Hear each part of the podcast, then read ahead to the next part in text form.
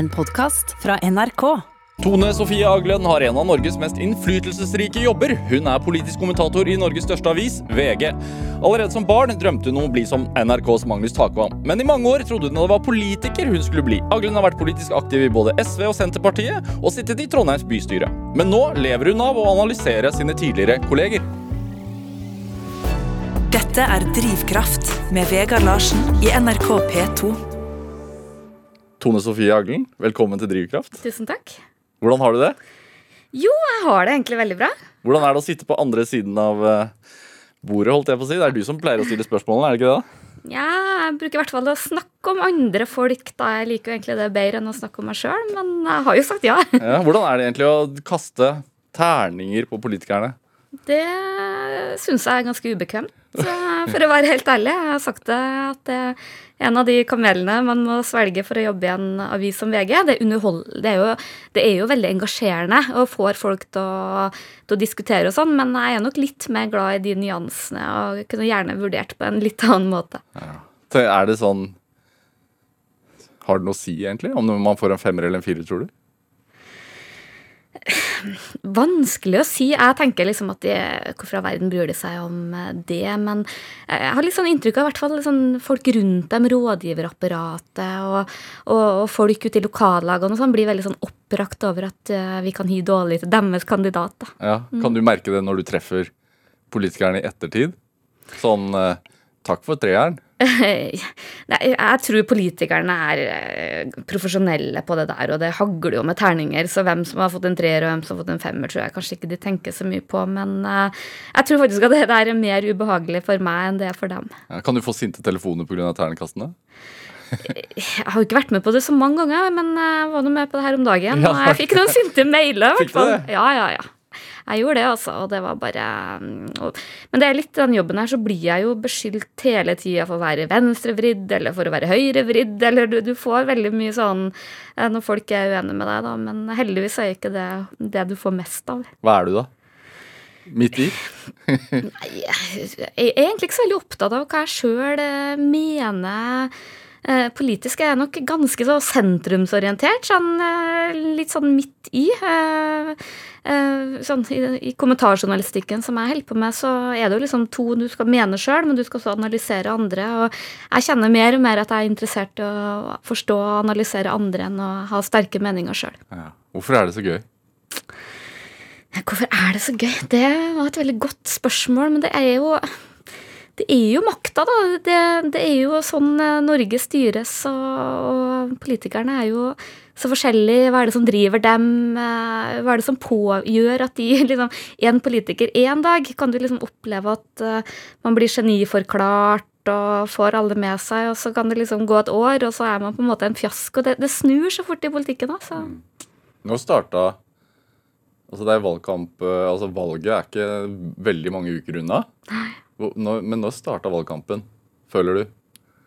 Nei, i år er jo veldig spesielt uh, for eh, Pga. pandemien så har jo, i likhet med oss andre, så har jo politikerne sittet ett og et halvt år på, på, Teams og har jo ikke gjort det de vanligvis ville gjort. De liker å reise rundt, snakke med folk, bygge opp lokallagene og liksom posisjonere seg fram mot valget. Det har de jo ikke fått gjort på samme måte. og Eh, jeg tror heller ikke at eh, de fleste er så veldig opptatt av valgkamp og politikk nå. Jeg tror vi fortsatt er litt den derre Altså folket, tenker du? Velgerne, ja. Jeg ja. tror de fleste av oss er mest opptatt av eh, pandemien, kan vi reise på ferie, når får vi vaksine, kan vi gå på pub, kan vi klemme, hvor mange kan vi være på fest? Det er, sånn, liksom de nære ting, da. Så jeg tror nok at den derre litt sånn Eh, partipolitikken er blitt skjøvet veldig i bakgrunnen. Og så er jeg liksom spent på når folk eh, våkner og skjønner at det er et valg snart. Når skjer det, tror du? da? Jeg er veldig usikker. Det er jo en helt ny situasjon at vi er i en pandemi. Men eh, jeg tror i hvert fall at det, er mindre sånn politisk debatt og glød der ute nå enn, det ville vært før et vanlig valg. Når starta valgkampen for deg, da? Nei, den, den har nok starta for, for flere år siden. Men det, jeg har jo jobba i VG i uh, snart to år. Eller i to år. Jeg flytta til Oslo omtrent på samme tida. Og det var jo ikke det her jeg så for meg. Mesteparten av tida har jo jeg sittet på hjemmekontor. Eh, hadde jeg visst det, så hadde jeg sikkert ikke skifta jobb eller flytta til Oslo i det hele tatt. For det var jo ikke det her jeg hadde sett for meg. Så jeg har jo ikke fått gjort det jeg hadde ønska. Reise rundt, snakke med folk prøve å bli kjent med ulike landsdeler. Så, og så har det jo vært litt sånn der frustrerende, for uh, folk uh, har vært veldig opptatt av korona. Det har vært de type sakene som har blitt lest og vært mye engasjement rundt. Så jeg, føler, så jeg har jo sittet og spøla og venta på at uh, det er politikk sin tur, da. Ja. Er det Men hvor mye politikk er det i, i koronarestriksjoner, tenker du? Altså vi ser jo i dag bare, altså Smittetallene går opp. 666 nye smitta i dag. Tror du at hvis det ikke hadde vært valgkamp så kort unna, tror du at man hadde liksom ventet litt med å slippe opp? Nei, jeg, jeg håper i hvert fall ikke det. Men jeg må jo si når jeg hørte i går at uh, i september så skal vi åpne opp og kunne klemme og danse igjen, så tenkte jeg ja, det var jo beleilig. Men vi er jo også kommet til et steg nå at man Det er jo grenser for hvor store restriksjoner vi kan ha på samfunnet når såpass få blir alvorlig syke. og det, det Jeg syns liksom vi har liksom glemt å, å snakke om alle de konsekvensene det har å leve i et nedstengt samfunn. Vi har snakka veldig mye om smittevern og veldig mye om, lite om alt de andre negative konsekvensene. Men sånn, sånn valgkampsmessig for politikerne altså uh, Abid Raja slipper bok i dag. Tror du det er tilfeldig? jeg tror det er uh, lite som er tilfeldig når det gjelder uh, politikere og valgkamp. Og de har jo veldig kort tid. Da. De har jo nå fem uker hvor de skal kjempe om oppmerksomheten. Det kommer til å være veldig trangt. Så så nei, helt tilfeldig er det neppe. er det du, hvordan er altså, I dag så skal du Nå er du her, og så skal du til Senja seinere i dag. Mm. Eh, sammen med Arbeiderpartiet, eller sammen med Støre. Mm. Hvordan funker sånt? Ja, jeg har jo ikke gjort det der altfor mye, nettopp pga. pandemien. Men jeg har vært med Erna i helga i Nord-Norge. I dag skal jeg med Jonas. og og politikerne reiser jo hele tida eh, og treffer folk og besøker bedrifter og lokallag og sånn. Og så, særlig når det nærmer seg valg, så er det jo en litt sånn hale med journalister og sånn eh, på slep, da. For de er jo, sjøl om de sier at de er opptatt av å snakke med folk, så er de jo selvfølgelig opptatt av å dokumentere det. Ja. De har masse utspill og, og Men for meg som kommentator så er jo det litt sånn annerledes. Ikke sant? Det er jo er jo ikke der for å liksom lage en sak nå er Støre på Senja. Det er jo mer sånn å observere han i møte med velgerne, mm. hvordan han opptrer. Eh, når jeg var ute med Erna nå i Nord-Norge, så gikk jeg liksom noen skritt bak da, og prøvde liksom å, tjuvlytte litt på hva de snakka om. Prøvde å ikke komme på bildene, det er jo utfordringa. Og gjerne når hun har gått forbi, så prøvde jeg liksom å liksom høre hva sier folk når Erna har gått. liksom. Det, uh, og det er liksom med på å danne et sånn bilde av uh, hva slags standing de har, og hvordan de kommuniserer, og hvordan de oppfører seg, og ikke minst hvordan det endrer seg over tid. Har det noe å si for din kommentar også? Hva du hører etter at hun har passert? Ja, det har veldig mye å si. Det, og bare en sånn ting jeg har observert uh, når det gjelder Jonas, er jo at du skal ikke mange månedene tilbake i tid hvor det var uh, Det var ikke så mye hurra meg rundt-stemning rundt han. Det var noe hviska og tiska om er nå han den rette til å å, lede Arbeiderpartiet og litt lite tru. ikke sant? Det henger jo gjerne ofte sammen med hvordan det går med partiene på meningsmålingene. Men når jeg har liksom observert den eh, de siste ukene, så er liksom folk eh, Det er en helt annen stemning og positivitet. og Nå er det mer rock'n'roll rundt Jonas enn det er rundt Erna. og Det henger jo litt sammen med hva folk tror kommer til å skje etter valget. Hvorfor har det forandret seg? det handler nok om at uh, det går bedre med Arbeiderpartiet på meningsmålingene. De har fått mer ro i partiet. Da kommer liksom sånn entusiasmen tilbake. Men uh, de føler seg jo ganske trygge da på at det blir uh, Jonas som blir statsminister etter valget. Og da har det en sånn magisk effekt på et parti. og også på hvordan uh, politikeren framstår internt. Og, det er jo litt det samme med Erna. ikke sant? Jeg tror mange tenker nå at dette blir nok hennes siste periode, og da forsvinner kanskje litt av den der glansen, da. Mm. Du skrev, eh, når du var med Erna, så skrev du en kommentar om at uh, Solberg og Vedum sin beskrivelse av Nord-Norge mm. er altså Jeg husker ikke ordet. På hver sin planet. Ja, på ja. hver sin planet. Ja.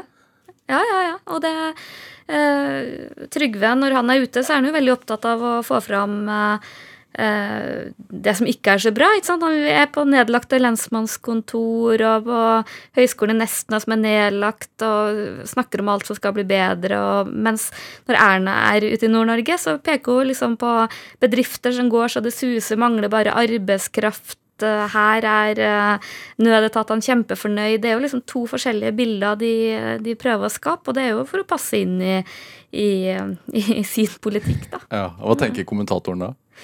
Uh, jeg tenker jo at det er interessant, og, og så er det liksom mange som spør meg liksom, ja, men hva er fasiten. Eh, liksom, går det kjempebra i Nord-Norge, ja. eller går det helt forferdelig i Nord-Norge? Ja. Og det er jo litt sånn det er, jo, det er jo ikke noe Du kan bare komme med så mye tall og fakta du bare vil, men det er jo, det er jo hvordan folk opplever sin situasjon. Og Trygve har jo mye å vinne på at folk opplever frustrasjon over å ha mista mange statlige arbeidsplasser og sånn, mens, mens, Erna har mye å vinne på at folk ser at næringslivet går så det griner. og ja. Hmm. Politisk sånn få sakene inn i sitt verdensbilde, holdt jeg på å si, nesten? Ja, og valgkamp handler veldig mye om det, og at Uh, og det handler ikke så veldig mye om fakta, det handler veldig mye om følelser. handler det ikke om fakta? Jeg, nei, jeg tror egentlig ikke det. Jeg tror uh, å vinne et valg handler om at du må, du må treffe på en stemning i, i, folket. De må kjenne seg igjen i det, i det, du sier som politiker. Og jeg tror det var Jonas sitt store problem i 2017, når han prøvde liksom å skape et bilde av at uh, nå øker arbeidsledigheten og økende forskjeller og sånn. Jeg, jeg, tror folk rett og slett ikke helt kjente seg igjen, da. Så det må liksom være en sånn uh, De må liksom klare å å treffe på den virkelighetsbeskrivelsen. Og det er jo det Trygve og Senterpartiet har vært veldig gode på de siste årene. Og, og det er jo noen som sier det at uh, skal du vinne valg i dag, så må du være flinkere på å liksom beskrive folks problemer og utfordringer enn å liksom forklare løsningene. Og det, jeg tror det er noe i det. Vris det på fakta? Forteller jo sin versjon, liksom. men samfunnet det er jo ikke noe fasitsvar på samfunnet. Du kan spørre to, helt, to nordlendinger om hvordan de opplever det, og det, jeg tror du kan få veldig forskjellige svar. Kan det hende at Altså, har det hendt at du har blitt så si, engasjert eller entusiastisk over virkelighetsbeskrivelsen til enkelte politikere at du har liksom latt deg rive med? Eh, jeg skal ikke si at det ikke har skjedd, men jeg, har ikke helt den evnen i meg til å la meg rive med. det, jeg må si det, altså. Nei, det, det er vel kanskje litt min uh, også litt derfor jeg ikke er politiker sjøl. Jeg har jo prøvd det og fant fort ut at Eller fant litt for seint ut, egentlig, at det ikke var der jeg passa hjemme. Men jeg, noe av det verste jeg vet, er liksom når alle sammen sitter i samme rom og er helt enige om én ting. Jeg har en litt sånn underdog-mentalitet som gjør at jeg gjerne Da vil jeg gjerne stille liksom det kritiske mot spørsmålene og prøve å liksom vende, vende litt på ting, da. Hvorfor er det viktig, tenker du? Nei, jeg, har alltid vært opptatt av nyanser. Klarer å se ting fra forskjellige sider. Det, det, det er veldig lite i, i, verden og i livet som er eh, svart-hvitt. Og det er som politikere særlig, jo nærmere det er en valgkamp, jo viktigere blir jo det å liksom skape et sånt bilde. Men litt sånn er det jo i mediene òg. Der jeg jobba før, i Adresseavisa, nå i VG, når alle begynner sånn Oi, så fantastisk flinke vi er, vi er helt supre. Så blir jeg litt sånn Vi er ikke så flinke, liksom. Så er jeg nok litt sånn som politisk kommentator, og jeg er ikke så veldig opptatt av å, av å bare se på suksessene. Jeg vil liksom finne de her eh, ømme punktene og, og, og se det fra den andre sida. Ja, altså i mediene, så hvis man leser aviser, eh, så, så kan man jo få inntrykk av at vi er blitt ganske polariserte. Mm. Men når du er ute og treffer folk, altså, er vi det? Jeg tror nok at det er, er litt overdrevet, ja. Det jeg opplever ikke at vi er et så polarisert samfunn. Men så er det også veldig forskjell på å møte folk ansikt til ansikt og, den måten vi kommuniserer litt for mye på i dag, nemlig digitalt. Mm. For jeg får jo av og til, eller litt for ofte kanskje, litt sånn sinte mailer fra folk. Og hvis jeg svarer hyggelig og høflig tilbake, så opplever jeg egentlig at folk ja, du er jo kanskje ikke så dum likevel. Da. Så det, jeg tror det er et eller annet med den der tonen vi legger oss til i sosiale medier og digitalt, som gjør at uh, vi virker mer polarisert enn vi kanskje er. Mm. Mm. Er det jeg, jeg sa jo innledningsvis her at du har en innflytelsesrik jobb. Det har du jo. Du er politisk eh, kommentator i VG, som jo er Norges største avis, hvis man tenker på nett og alt. Altså, føler du liksom på den på den innflytelsen? Kjenner Nei. du på det? Nei. Nei. overhodet. Takk for påminnelsen. nei, jeg, jeg, kjenner ikke på det, nei. Det, det Burde jeg gjort det? ja, det burde ja, du ja, jeg burde kanskje. Ja. ja. Men, men føler ikke på noe press i, i forhold til det? Å jo, jeg føler, jeg, jeg føler, på et veldig stort press. Ja. Det gjør jeg hele tida. Jeg ligger eh, eh, ofte søvnløs og, og grubler på om har jeg skrevet rett. Har jeg vært for streng? Har jeg vært for hard? Har jeg vært for grei? Senest her om dagen når jeg måtte kaste terning på noen politikere etter en uh, duell, Ja. så, så lå jeg, jeg Fortsatt sitter jeg og grubler over, over om jeg var uh, var for grei med noen og for hard med noen, og om jeg overså noen ting. Og det gjør jeg hele tida. Sånn noen er sånn som bare skriver fort og blir ferdig med det. sånn. Jeg sitter og tværer ut og tværer ut og grubler og vil helst ikke levere fra meg noe før jeg er helt sikker. Og det blir man jo ikke, da. Nei. Dette er Drivkraft med Vegard Larsen i NRK P2. Og I dag er eh, politisk kommentator i VG, Tone Sofie Aglen, her hos meg i Drivkraft. Altså, eh, som du nevnte, altså, du har jo en bakgrunn som politiker. Vært eh, medlem av både SV og Senterpartiet.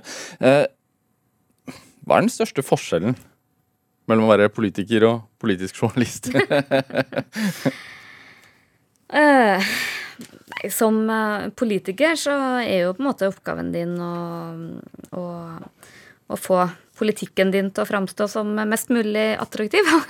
Eh, som journalist så skal du jo på en måte pirke borti det og stille de kritiske spørsmålene og være litt sånn uh, velgerne sin, uh, sin både ambassadør og, og passe, passe på politikerne, ikke sant. Vi har jo en en sånn slags vokterrolle. At de ikke skal slippe unna med ting.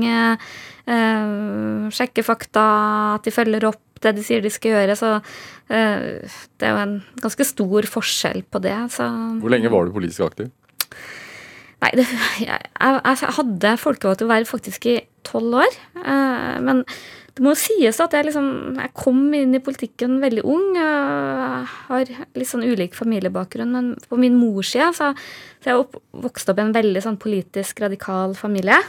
Besteforeldrene mine var kommunister og reiste veldig mye i Sovjet. Og så er jeg liksom veldig sånn oppflaska med de idealene av USA var et forferdelig land og alt det der. Og, og, og liksom lærte liksom at venstresida var liksom den rette. Så derfor kom jeg inn i SV og Sosialistisk Ungdom ganske tidlig. Hadde ikke noe valg, si? Jeg hadde ikke noe valg, men jeg, min bestefar, da, som var motstandsmann og NKP-er og, og, en veldig sånn sovjetvenn, var liksom mitt store ideal da jeg var liten. ikke sant? Han lærte meg om russisk litteratur, og vi spilte sjakk, og jeg så veldig opp til han, da. Han døde jo når jeg var ja, jeg, når jeg gikk på ungdomsskolen. Jeg var syk i mange år før det, men, men jeg var nok veldig sånn inspirert av han, så det var nok Hva sa han til deg? Nei, han, han, sa jo ikke noe til meg, det var ikke noe sånn Men, men at, jeg, at, det var et hjem på, på morssida der, da, hvor, hvor, det var liksom venstresida og det var liksom den rette ideologien. Men det ble diskutert politikk? Veldig mye. Ja. Og veldig Alltid sånn masse folk i, i, innom og høyrøsta diskusjoner og, og krangling og og ja, de var litt sånn kulturradikalere på, på morssida mi, da. Så, men så er jeg oppvokst på en helt annen eh, eh, greien på min farsside, som var fiskebønder i, på en øy i Namdalen. Overhodet ikke sånn politisk engasjement. Jeg tror besteforeldrene mine var vel knapt ja, knapt vært utafor Trøndelag eller utafor den øya.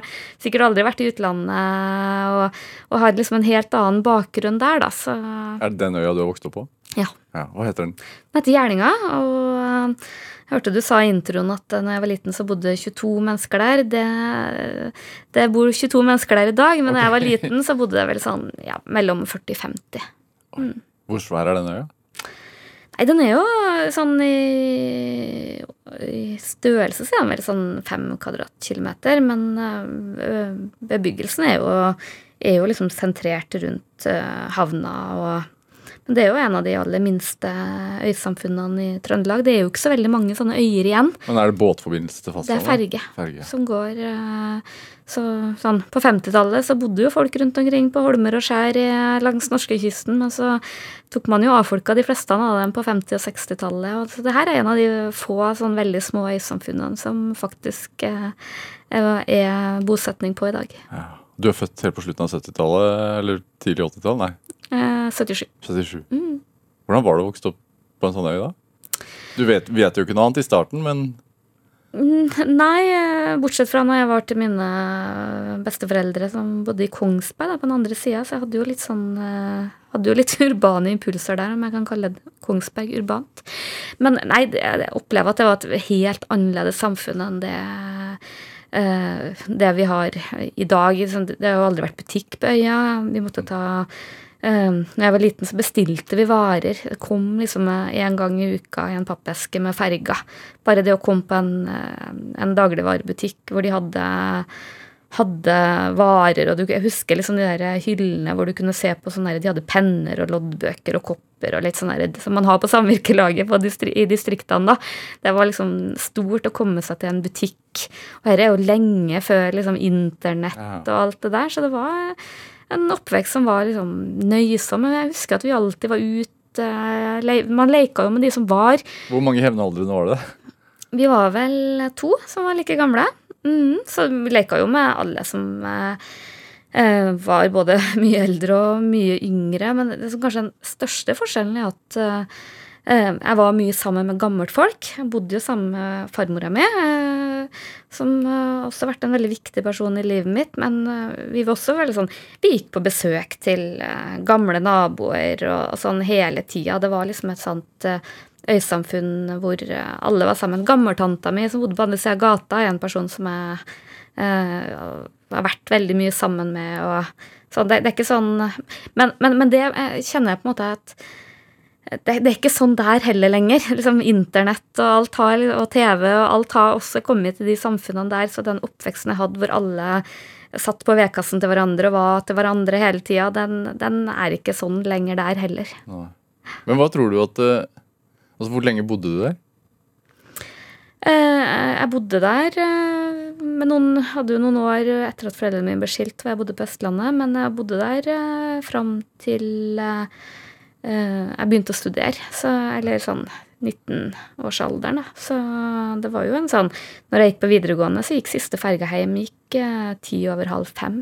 Og da var det ikke å komme seg noen plass. eh, Så jeg var jo mye aleine. Leste veldig mye og gikk mye tur og var nok eh, ja, ganske nerdete, tror jeg. Det, mm. Analyserende? Ja, jeg var veldig Som barn så var jeg ekstremt lesehest. Jeg leste bestandig. og, eh, og Bestefaren min introduserte meg for veldig mye av de russiske forfatterne som jeg leste som barn, men jeg leste også liksom, Frøken Detektiv og Sagaen om isfolket og alt, alt mellom hver sluk det. Men jeg var også sånn, jeg var ganske veslevoksen i de videregående årene. Jeg abonnerte på Klassekampen og Tredje Verdensmagasinet X, og jeg satt veldig mye hjemme og leste. Og, Om andre steder i verden, rett og slett? ja, ja og, og politikk var jeg alltid, alltid vært veldig interessert i. Og, Ja. mm. Hvordan tror du det altså, Når man blir voksen og ser tilbake, hvordan tror du det har preget deg? Mm. Ja, ikke godt. Det var ikke noe lett spørsmål å svare på, da, men uh, uh, I hvert fall sånn at jeg trives godt i eget selskap. det må man jo. Det, men på en måte så er jeg veldig glad for at jeg har vokst opp i en, en, en tid uten uh, mobiltelefon og alle de avbrytelsene. For det, det er noe jeg kan kjenne veldig på i dag, at jeg har liksom mista den evnen jeg hadde før til å jeg, jeg lå jo liksom til langt på natt og leste og leste og leste. Ikke sant? I dag så er du liksom lest fem minutter av bok, så er det noe fram, er det noe på Facebook, eller uh, Så liksom det å ha den konsentrasjonen og, og roa, da. Så mm. Hvem bor på øya i dag, da? Nei, det er eh, Det er faktisk eh, et snev av optimisme der. Altså, det er noen eh, unge familier som faktisk har flytta hjem. Og så, men det er jo ikke så altfor mange, da. Mm. Jeg har hytte der, så jeg er jo der så ofte jeg kan. Og det, det har jeg også vært kanskje noe av det eneste jeg syns har vært positivt med pandemien, er jo at man kan sitte hvor som helst og jobbe. Pre tror du det preger Altså, siden du også har vært med i Senterpartiet, så tror du det preger ditt syn på at man skal ta hele landet i bruk? og Ja, det, det, er jo mange som uh, I hvert fall før Senterpartiet ble så populært som det var nå, som bare sånn Hvordan i all verden er det mulig liksom, å ha vært medlem av Senterpartiet og SV? Men liksom, da bruker jeg å si at jeg er fra Nord-Trøndelag, og der er på en måte Senterpartiet mer uh, uh, Da er det liksom Arbeiderpartiet og Senterpartiet som er de to store partiene. og det distriktspolitikk og det å se hele landet, være opptatt av hele landet, det tror jeg ligger veldig i ryggmargen til meg. Ja. Mm. Mm. Men satt du der òg? Siden du bodde der helt til studiene, så var drømmen å, å bli kommentator? Jeg nevnte så vidt i, i, introen her at du allerede som barn syntes at Magnus Takvam hadde en, eh, altså han hadde en slags drømmejobb, men Ja, jeg husker da jeg var liten, så satt jeg og kikka på disse valgprogrammene og, og valgsendingene. Jeg husker liksom Magnus Takam, Geir Helgesen, Harald Stanghelle. Det var bare sånn Jeg, jeg bare husker jeg tenkte at det har jeg lyst til å bli når jeg blir stor. Og så har jeg jo etter hvert tatt sånne andre veier i livet da, som har liksom gjort at jeg har eh, kommet lenger og lenger unna den. Eh, men jeg har jo hatt perioder i livet jeg har ønska meg andre ting. Og jeg hadde veldig lyst til å bli dyrlege i mange år. Jeg eh, fant plutselig en gammel særoppgave jeg skrev inn når jeg gikk på ungdomsskolen, og da sto det etter ordet at jeg hadde lyst til å bli ornitolog og jobbe med havørn, så jeg har jo liksom Det er jo mange ting jeg har eh, vært opptatt av, da, men politikk har liksom alltid vært veldig nerdete interessert i. Men lå liksom maktens sentrum enda lenger unna når man vokser opp et sånt sted? Ja, det vil jeg jo tro, men uh, Hvordan ser man på makta på, på øya? Eller så. I hvert fall det Det jeg i hvert fall merker eh, når jeg er hjemme, er at uh, folk kanskje er opptatt av andre ting enn jeg vet ikke om det er makta, men nå bor jeg i Oslo, godt plassert innenfor Ring 2, og omgås jo veldig mye folk som er lik meg sjøl, litt sånn samme jobber, mye politikere, og jeg merker liksom at det vi er opptatt av, ofte noe helt annet enn det naboen hjemme er opptatt av. Og det tenker jeg er ganske verdifullt å ha annet ståsted. da, Det er ofte veldig mye sånn kritikk mot sånn Oslo-boble og sånne ting som jeg syns er veldig, liksom, litt overdreven. Men, men, men, jeg tror det handler om at uh, Hjemme så er jeg sammen med alle typer folk, mens i, i større byer og sånn så har du liksom en tendens til å omgås folk som er mye mer lik deg sjøl. Hvordan var det å være vegetarianer på et sted med 40 innbyggere? Nei, det, det, var ganske krevende. Jeg ble jo veggis veldig ung. Lenge, lenge lenge før det ble hipt. Tvert imot så var det veldig rart, og folk syntes jeg var ja, spesiell, og det var jeg sikkert òg. Hvor kom den overbevisningen fra, da? Nei, den eh, kom fra Jeg så et eh, Eller jeg var veldig glad i dyr, da, det har alltid vært. men jeg husker jeg så en sånn nyhetssending om dyretransport i Europa, og, og så hvordan eh, kuer ble behandla der. Og det, det, gjorde så sterkt inntrykk på meg at jeg bare tenkte at det her kan jeg rett og slett ikke bidra til, eller eh, sånn. Og jeg er jo ikke noe sånn, sånn fanatisk at jeg mener det er galt å ta livet av dyr og sånn.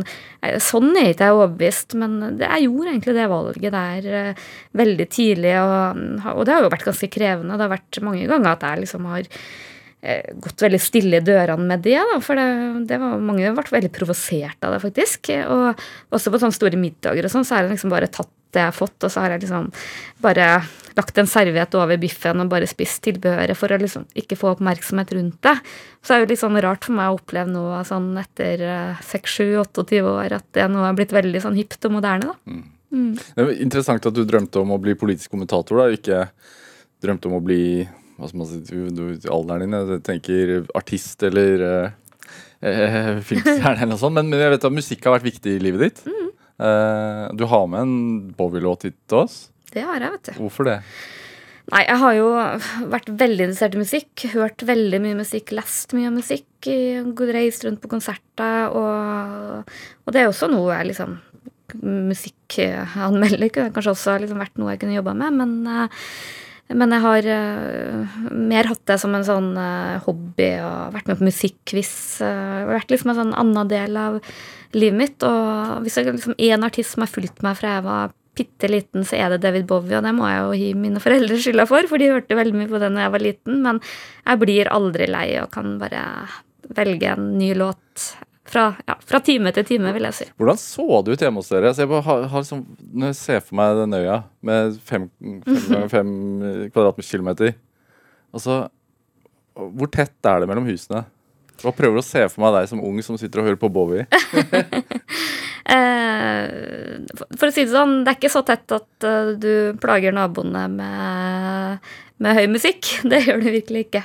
Så, men det var jo sånn man bygde før, så klumpa man seg jo litt sammen der det var best jord, og man var jo ikke opptatt av eh, utsikt og sånne ting som man er i dag. Men eh, foreldrene mine var jo veldig sånn kulturinteressert og hørte mye musikk, så det var liksom, det var vinylplater som lå strødd overalt. Får vi Bowie med Sound and Vision.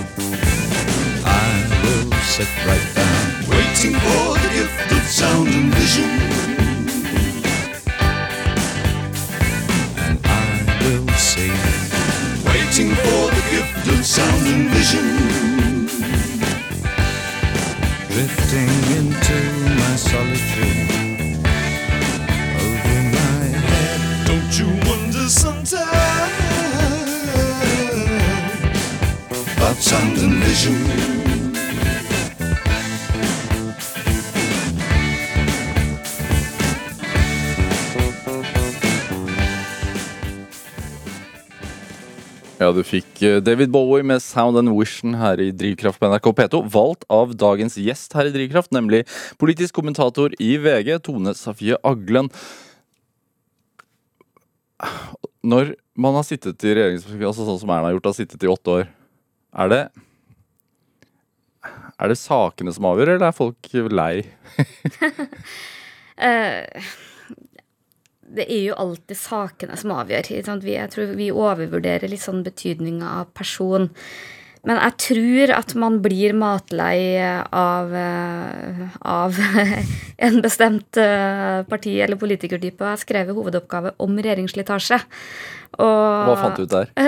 Nei, det jeg fant ut, det var jo liksom lenge før at det var et liksom brukt begrep i statsvitenskapen. Uh, men det er en veldig sterk tendens i alle vestlige land at regjeringer som sitter lenge, de taper oppslutning. Og i hvert fall det jeg fant ut med noe av det jeg forska på, begynner å begynne noen år siden, men det er jo det at man, man taper liksom litt det sakseierskapet F.eks.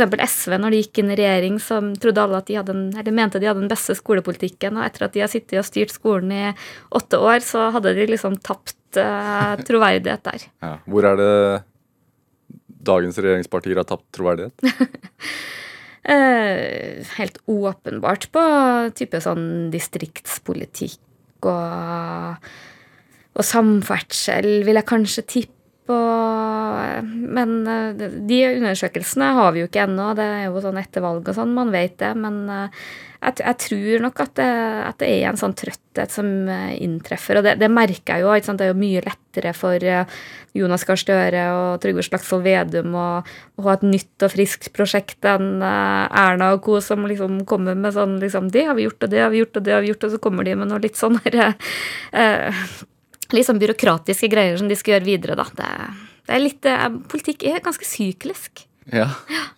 Det går litt sånn opp og ned, og det får hele tida høre folk at bare Det partiet er dømt, og det har ikke noen sjanse, og Rødt uh, har ikke noen sjanse, og KrF kommer til å dø, og Venstre Men det liksom, så går det noen år, og så ser vi liksom at det går bra etter hvert. Altså det går litt sånn opp og ned i politikken, tror jeg. Er det Hvilke saker tror du kommer til å være viktigst frem til valget nå, da? Er det tilfeldig at alle har reist til Nord-Norge, f.eks.? Nei, det er jo absolutt ikke tilfeldig. For eh, Nord-Norge og distriktspolitikk har jo vært kanskje den saken som har eh, fått uvanlig mye oppmerksomhet også gjennom eh, pandemien. Men hvis du har spurt meg bare for ei uke siden, så ville jeg sagt at usikker på om klima kommer til å bli så viktig i valgkampen. Men så fikk jo FNs klimarapport da, som gjør at kanskje får miljøpartiene uh, mer vind i seilene av det. Og det, det er ofte så, sånne stemningsbølger snur veldig fort, og det, det, er ofte ikke sånn det politikerne vil velgerne skal være opptatt av. Det, og nettopp pga. pandemien og at det har vært snakka så lite politikk, så tror jeg at, det, det, folk er, det er mer uklart av hva folk er opptatt av. For de største partiene nå, altså på meningsmålingene, tror du at den FN-rapporten kom litt ubeleilig? Ja jeg tror vel kanskje det. Ja. ja. Jeg leste i morges en uh, kommentar i en dansk avis. Og den syns jeg var liksom litt sånn komisk, hvordan de tre statsministerkandidatene i Norge alle sammen uh, ikke vil sette sluttdato for oljeboring. Uh, liksom, det er liksom den store elefanten i det norske rommet, da, sett fra Danmark. For det, det er så viktig for norsk verdiskapning og eksport. Hvor mye har mediene, og hvor mye har VG f.eks. å si for hva som får fokus? Det mediene setter på dagsorden, får jo er jo selvfølgelig viktig, men uh, vi er mindre viktige enn før. Jeg har jo vært så uheldig, om jeg kan si det, og kun jobba i mediene etter storhetstida. Jeg tror nok min jobb som politisk kommentator var mye viktigere for 20 år siden enn i dag. Nå har jo alle sammen kan jo være politisk kommentator på sin egen eh, plattform. Nei, nei, da. Men uh, det, det, det, er, langt flere stemmer der ute, da. Og, uh, og så tror jeg i hvert fall helt sånn genuint at uh, vi i mediene kan skrive at det er viktig, og det er viktig, og det er viktig, men uh, velgerne det, det, må liksom vekke sånn gehør hos velgerne. Og hvis du bare spoler to år tilbake i tid, så var det jo bompenger eh, som velgerne var opptatt av. Og det var jo ikke en kommentator i Norge eller, eller en journalist, i hvert fall ikke noen mange, som liksom mente at det var kjempeviktig, det har vi sett fokus på. Altså det, liksom, det kom jo fra underskogen. Fergeopprøret var heller ikke noe media satt på dagsorden. Det var uh, folk der ute, ikke sant. Så det, det, det, må treffe folk. Hva tenker du blir liksom grasrot uh, Det grasrota er opptatt av nå, da? Jeg, er oppriktig ganske usikker. F.eks.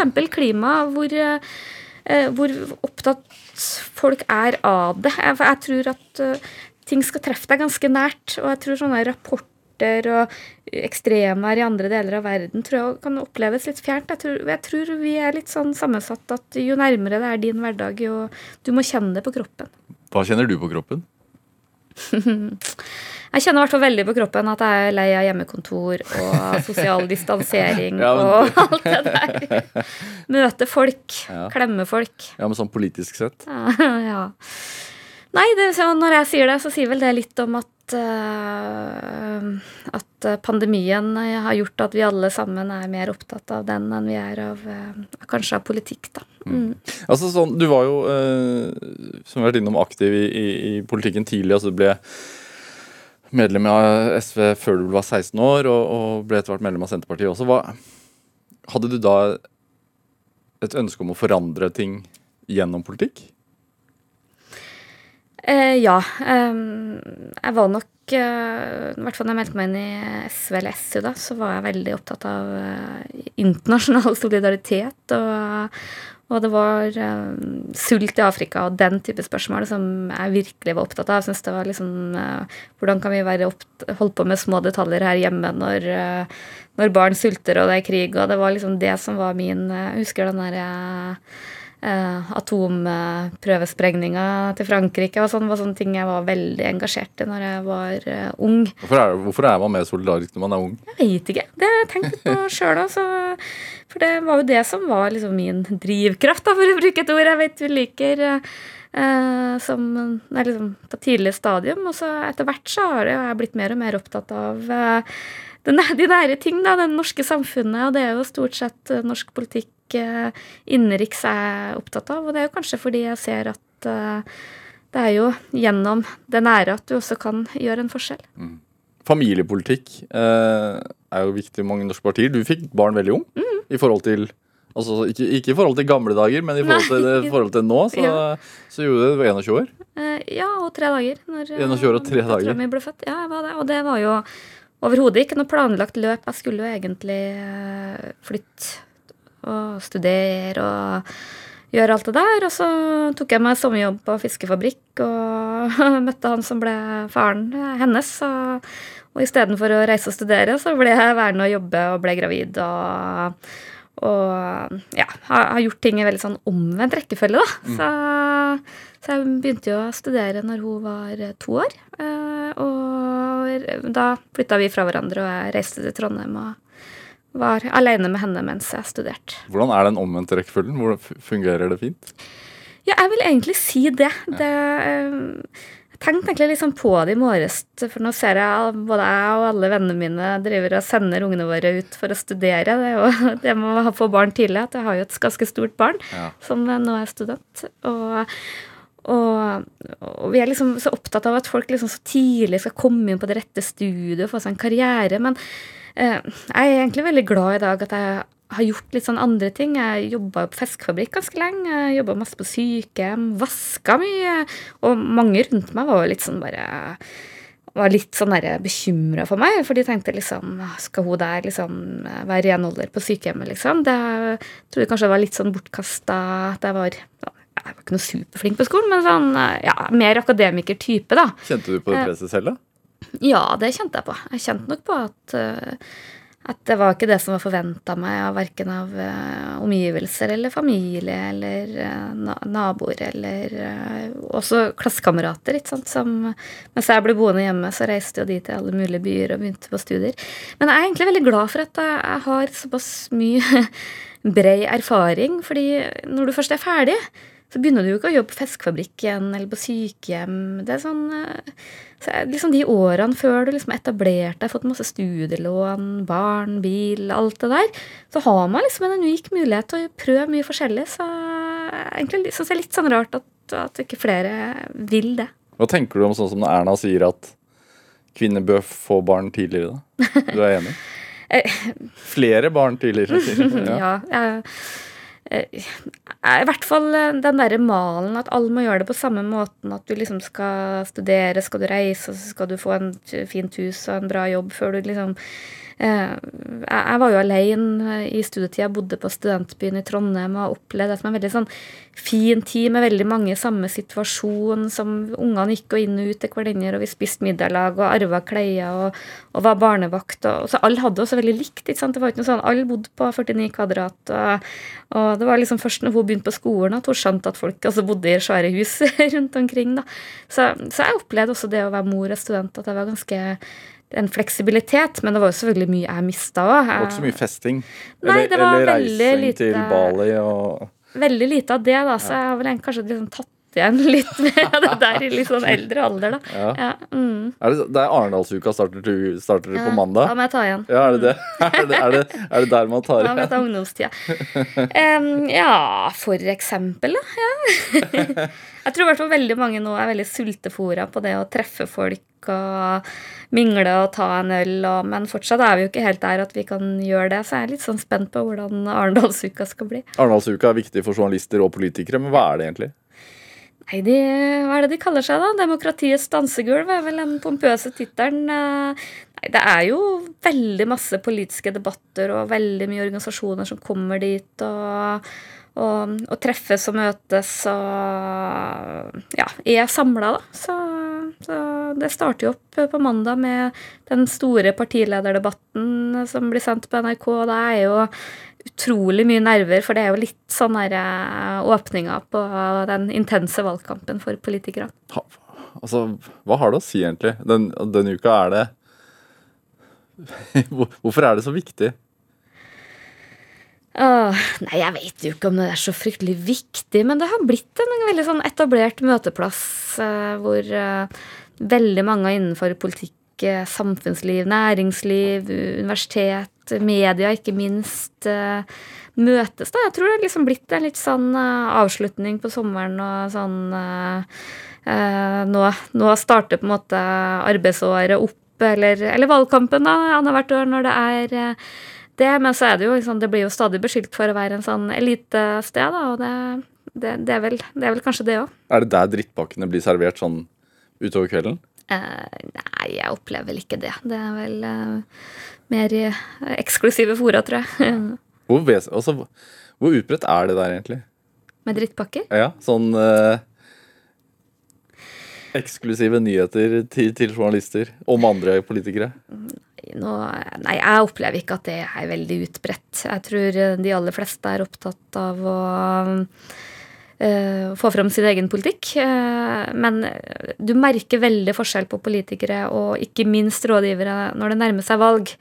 For da er de mye mindre rause, og da er det mye mer nerver i helspenn. Og det står så mye på spill. Eh, så liksom de siste ukene, da kan det være ganske intenst.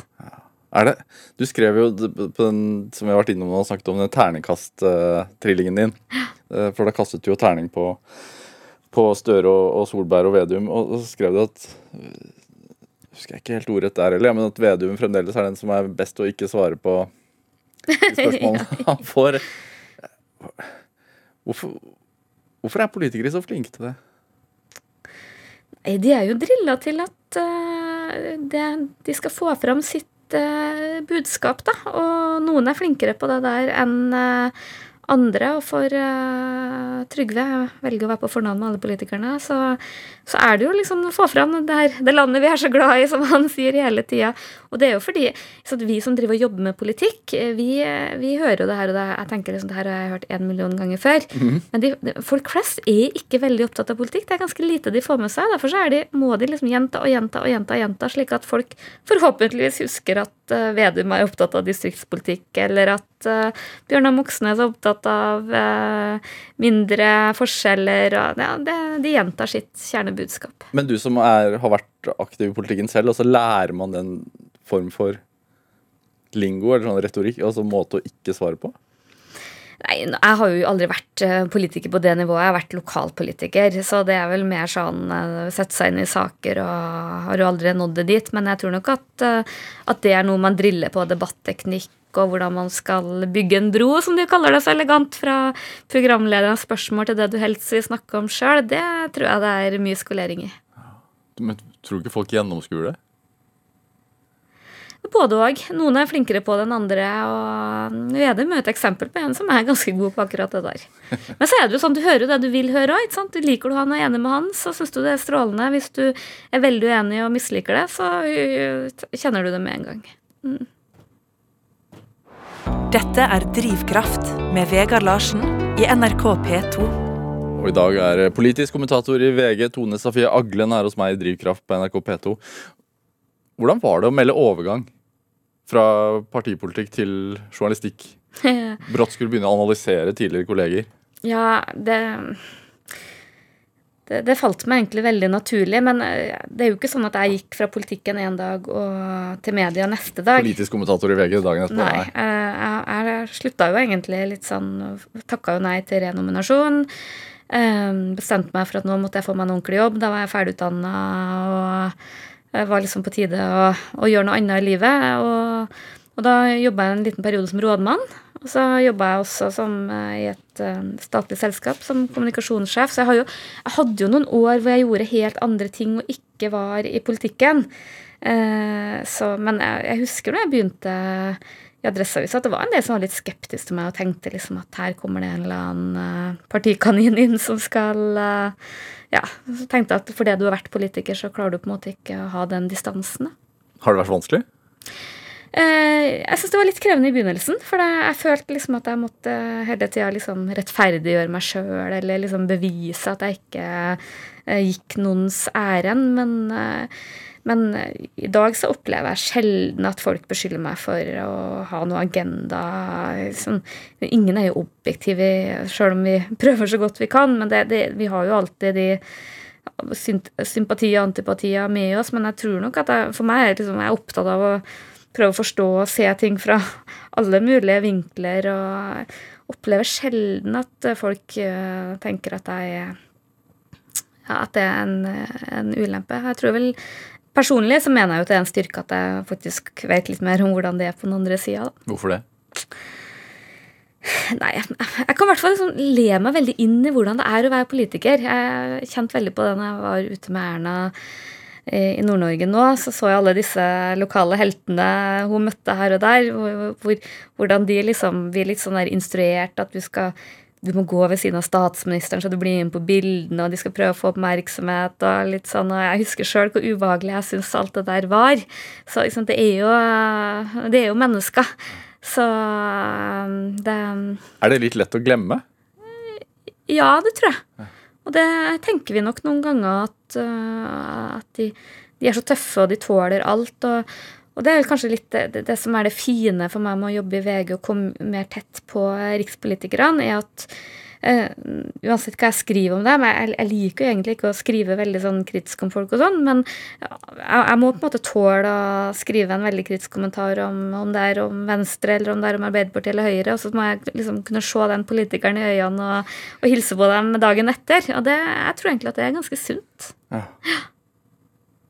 Det er ikke sånn at man Var det Kåre Valbrok som sa at hvis man er redaktør, så, så skal man ikke ha noen venner? Du har ikke den tanken? Venner sånn, Man har jo sånn, Jeg har jo noen venner fra gamle som er politikere i dag, og det er du jo veldig åpen om. og å varsle på jobb og sånn, eh, men, eh, men, jeg er egentlig mest opptatt av å snakke godt med alle politikere, uavhengig av eh, parti. Og jeg tror i hvert fall ikke noe på at en god politisk kommentator skal sitte alene i sitt lønnkammer og aldri snakke med folk og aldri drikke øl med folk. Tvert imot. Jeg tror jo tettere på jeg er, så jo bedre blir jeg i jobben min. da, Selv om det selvfølgelig er vanskelig å skrive kritisk om folk. Derfor er hun altså ikke så populær, sikkert. da. Men er, du har sagt at, at medienes evne til å ta selvkritikk er svak, har du sagt en gang i et intervju. Det er helt sikkert. Ja. Det står jeg 100 inne for. Ja, Hva mener du med det?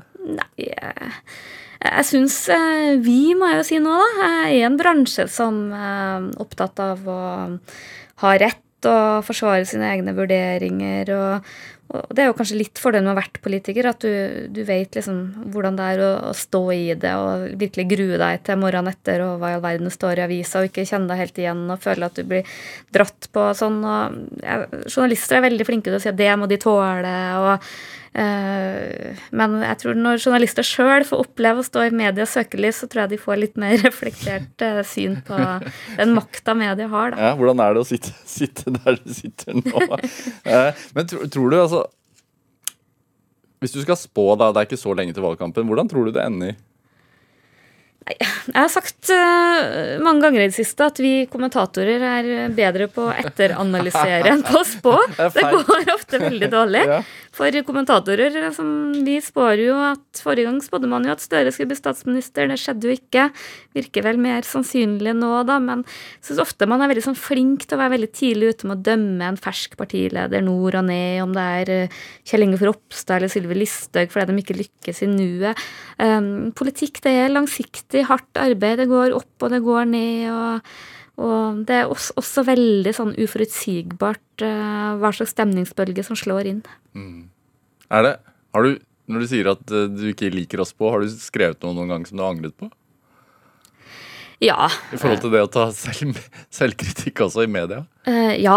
Du, det er ikke veldig lenge siden jeg satt på Politisk kvarter og sa at Trygve Slagsvold Vedum neppe Frp ville lansere seg som statsministerkandidat. Det hadde han noe tro på, det var vi egentlig alle enige om. Og så gikk det liksom tre dager, og han lanserte seg med brask og bram. Du føler deg jo litt teit, da. Men uh, uh, vi er jo ikke vi er jo ikke synske, og det er jo liksom sånn man tolka den situasjonen. Men uh, åpenbart uh, jobba for dårlig med kilder da.